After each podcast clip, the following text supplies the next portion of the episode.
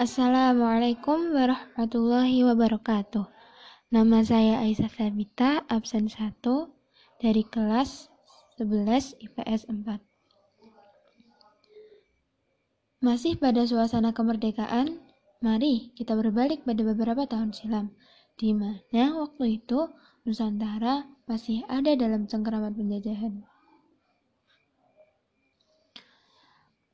Pada tahun 1509, sekitar itu, pasukan Portugis memulai ekspedisi mereka, lalu berakhir pada tahun 1512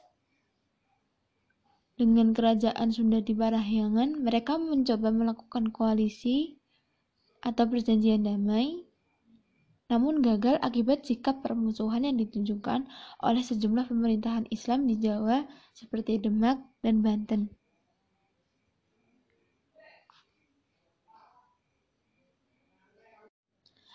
Motivasi bangsa Portugis memulai petualangan ke timur menurut ahli sejarah dalam bukunya yang berjudul 500 Years of Historical Relationship pada tahun 2002, mereka mencari kekayaan atau bisa disebut Victoria atau emas. Yang kedua, mereka mencari kejayaan atau wilayah kekuasaan untuk bangsa mereka. Di sana disebutkan namanya Fortaleza.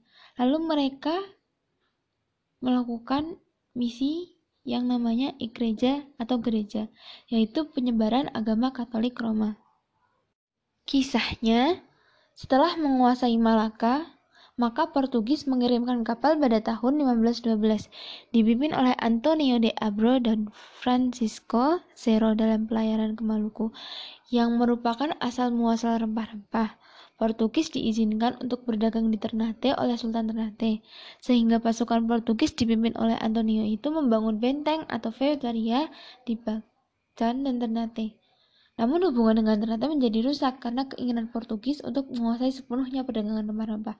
Pada akhirnya, Gubernur Lopes de Mezquita membunuh Sultan Khairun pada tanggal 25 Februari 1570. Kemudian dibalas oleh anak Sultan Khairun, yaitu Sultan Babullah yang melawan Portugis dalam peperangan selama lima tahun berikutnya dan berhasil mengusir Portugis dari bumi Maluku untuk selamanya tepat pada tahun 1575. Portugis ini memiliki kebijakan ketika mereka ada di Indonesia. Di antara kebijakan-kebijakan itu, ada yang mereka berusaha menanamkan kekuasaan di Maluku dengan menaklukkan daerah-daerahnya. Mereka menyebarkan agama Katolik di daerah-daerah yang dikuasai. Mereka mengembangkan bahasa dan seni musik keroncong Portugis. Lalu mereka menerapkan sistem monopoli perdagangan tengkih dan pala di Ternate. Kolonialisme Portugis ini juga meninggalkan dampak positif, dampak positif jangka panjang yang akhirnya sampai sekarang masih ada di Indonesia. Contohnya, dalam segi politik, adanya hukum perdata dan pidana yang dipakai saat pengadilan merupakan bentuk dari politik Portugis kala itu, yang berhubungan dengan nilai dan juga norma sosial. Ada juga dari segi sosial budaya, misalnya musik keroncong, dalam segi pertahanan, Indonesia menjadi lebih kuat karena datangnya penjajah ini. Yang menariknya, dalam segi pertahanan ini, Indonesia berkembang, dengan banyak. Mudahnya Indonesia pada abad ke-15 silam dimasuki penjajah karena minimnya sistem pertahanan negara, itu membuat sistem pertahanan Indonesia menjadi lebih maju. Tentara Indonesia semakin kuat dengan tambahan personil yang memiliki kemampuan perang. Saat awal bangkit, jumlah angkatan perang menembus angka 30 ribu. Pabrik senjata juga bermunculan di daerah Gresik dan Semarang, sehingga saat perang, kita tidak pakai bambu runcing lagi. Benteng pertahanan juga banyak dibangun di tiap daerah.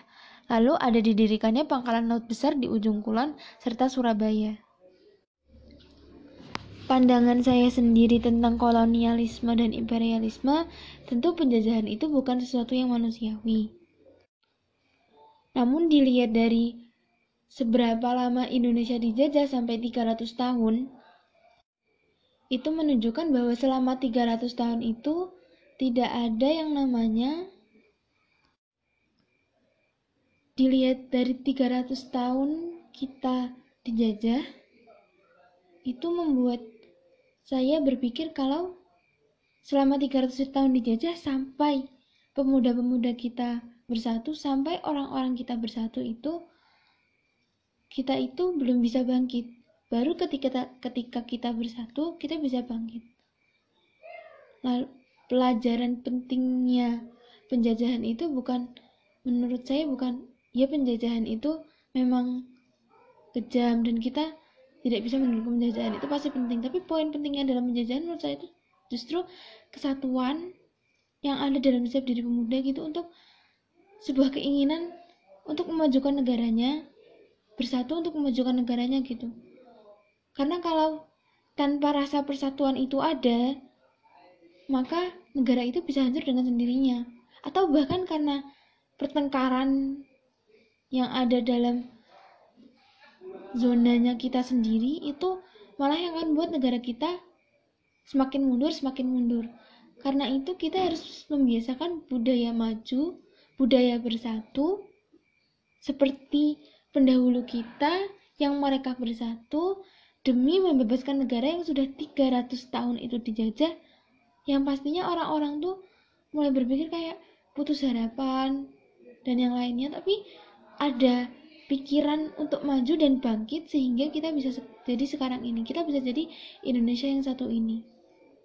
Saya harap ke depannya banyak banyak pemuda yang mau bersatu dan memajukan negara ini.